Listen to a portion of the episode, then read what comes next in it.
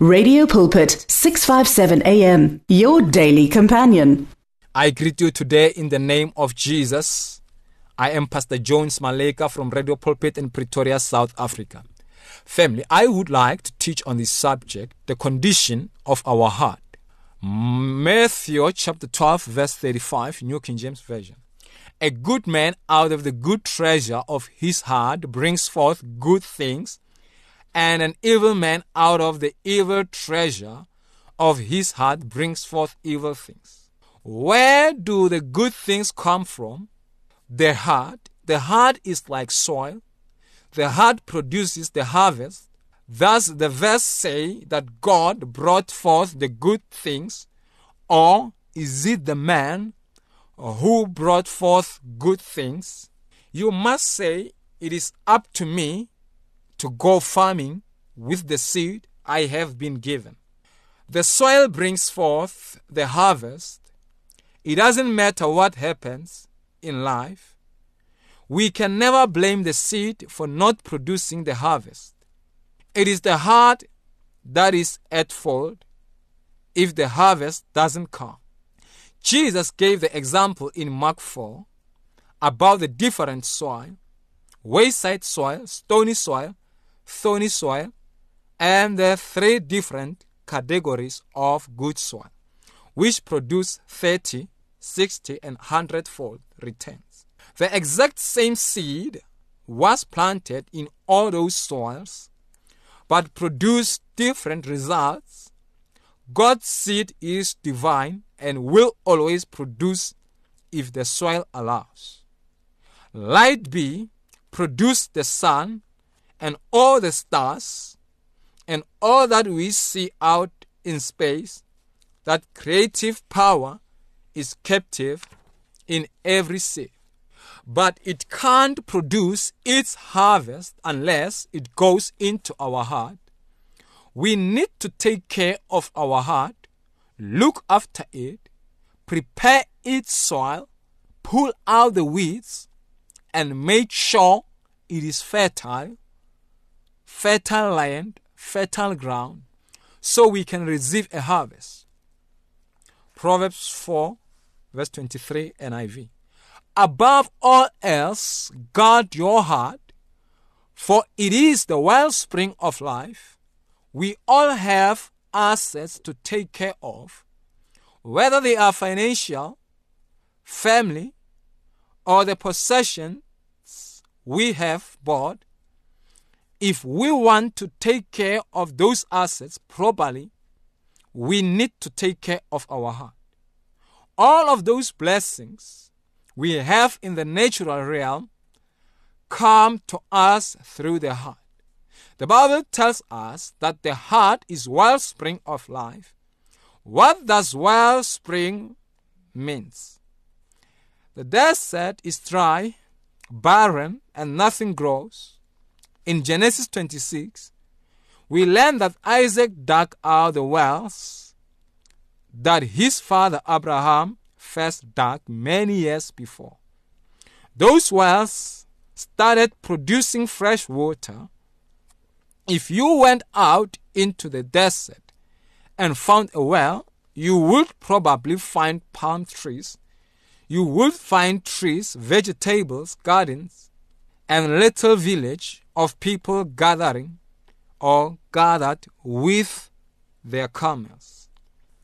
There is life going on, a little town, all because of the well. The water brought forth that life that we see in that little oasis. Your heart is the well, and out of your heart springs forth the things we have in the natural. If you stop the water flowing out of the well, soon enough the palm tree die, and the fruit tree die, and the vegetable die, and the camels die.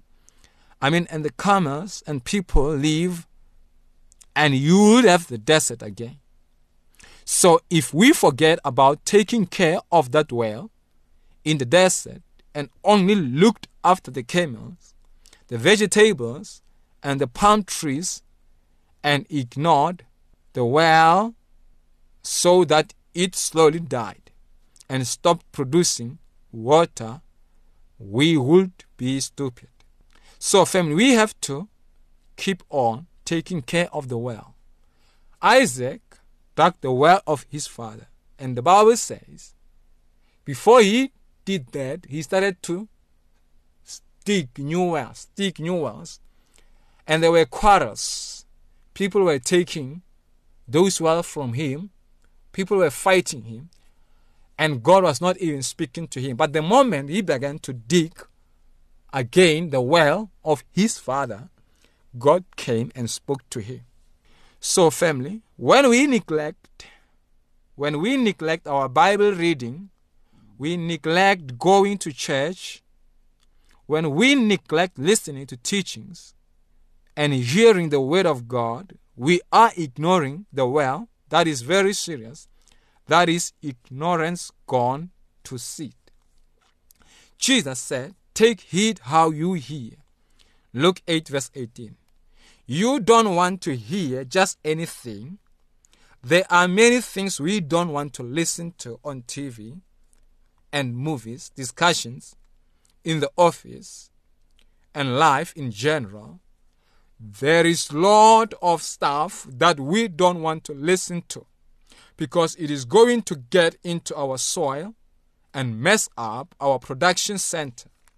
So, family, if you owned that oasis out in the middle of the desert, you wouldn't let some traveler take poison and throw it down your well. You would go after him and teach him a lesson, and he would never forget because he has just killed everything in your whole village. Why would you let somebody poison your well? Raise your right hand and say this. My heart is the most important treasure that I have. It is my production center. It is my factory producing God's blessings. Matthew chapter 12, verse 35, New King James Version. A good man out of the good treasure of his heart brings forth good things. I wonder if it is true. I wonder if God knows what he is talking about. Did God bring the evil into this man's life? Did the devil bring the evil into this man's life? The man did. Certainly, the devil can bring evil into anybody's life if we let him. If we will let him or we let him. But we don't need to help him. The evil man brought forth the evil. The good man brings forth the good out of the good treasure in his heart what is the treasure that brings forth this good? Raise your right hand and say this. The Word of God is a treasure. The seed is the treasure. Say, if I don't treasure God's Word, I will never plant it. I must understand God's Word is treasure. We are looking for a treasure or for treasure and we walk right past it, and the weight is the treasure, and it produces its harvest. God has given us a key. If you don't understand this parable, you won't understand any other parable. Raise your right hand and say this Confession is possession. Say, the word of God is a treasure the seed is the treasure. If I don't treasure God's word, I will never plant it. I must understand God's word is treasure. The evil man produces evil things. How? Let's read the book of Matthew, chapter 12, verse 36, New King James Version. But I say to you that for every idle word men may speak, they will give account of it in the day of judgment. The evil treasure of the evil man's heart comes forth because he speaks idle words. What is an idle word? If somebody refuses to go out, find a job, insist in staying home, watching TV all day and all night, we would say that person is idle, lazy. He needs to get off his blessed assurance and go and look for a job. So, an idle word then is a word that is not productive. It is not extending God's kingdom.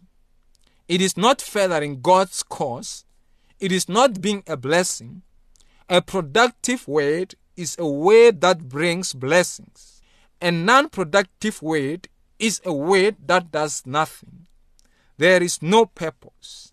Now we do have to carry on everyday business and a normal conversation. But a normal, productive word is a word that contradicts the word of God or goes against the word of God.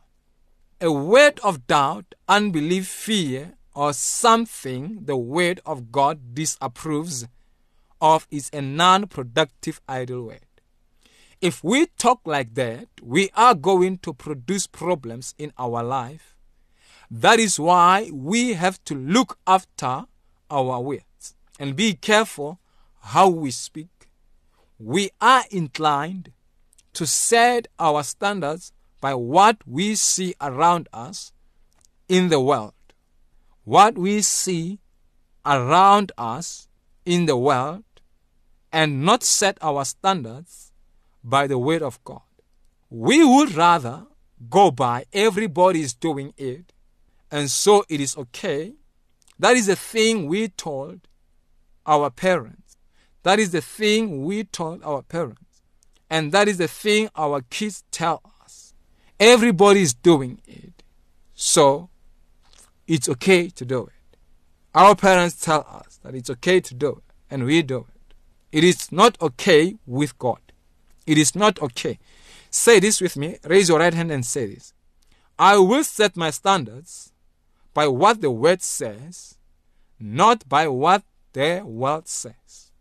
So set your standards by what the word says, not by what the world says. The world's value of words and God's value of words are different as night is from day. God values His word even more than He values His own name.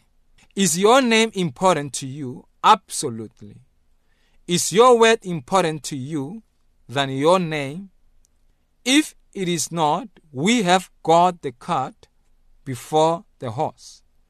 God's word is more important to him than his name. You see, God's name is important because His words are important. Raise your right hand and say this with me I am only as good as my word. My name is only worth the integrity of my word. If my word is no good, my name is no good. So, family, let us be careful about what we say. Let us understand the power and the importance of the condition of our heart so that we can receive from God.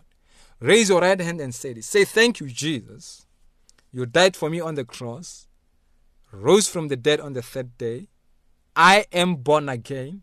My name is written in the book of life. My sins are forgiven. Holy Spirit, please fill me and guide me in this journey.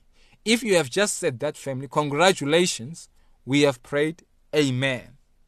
The words of the Lord are words of life. Your heart is on 657 AM. 657 AM. Radio for believers in action.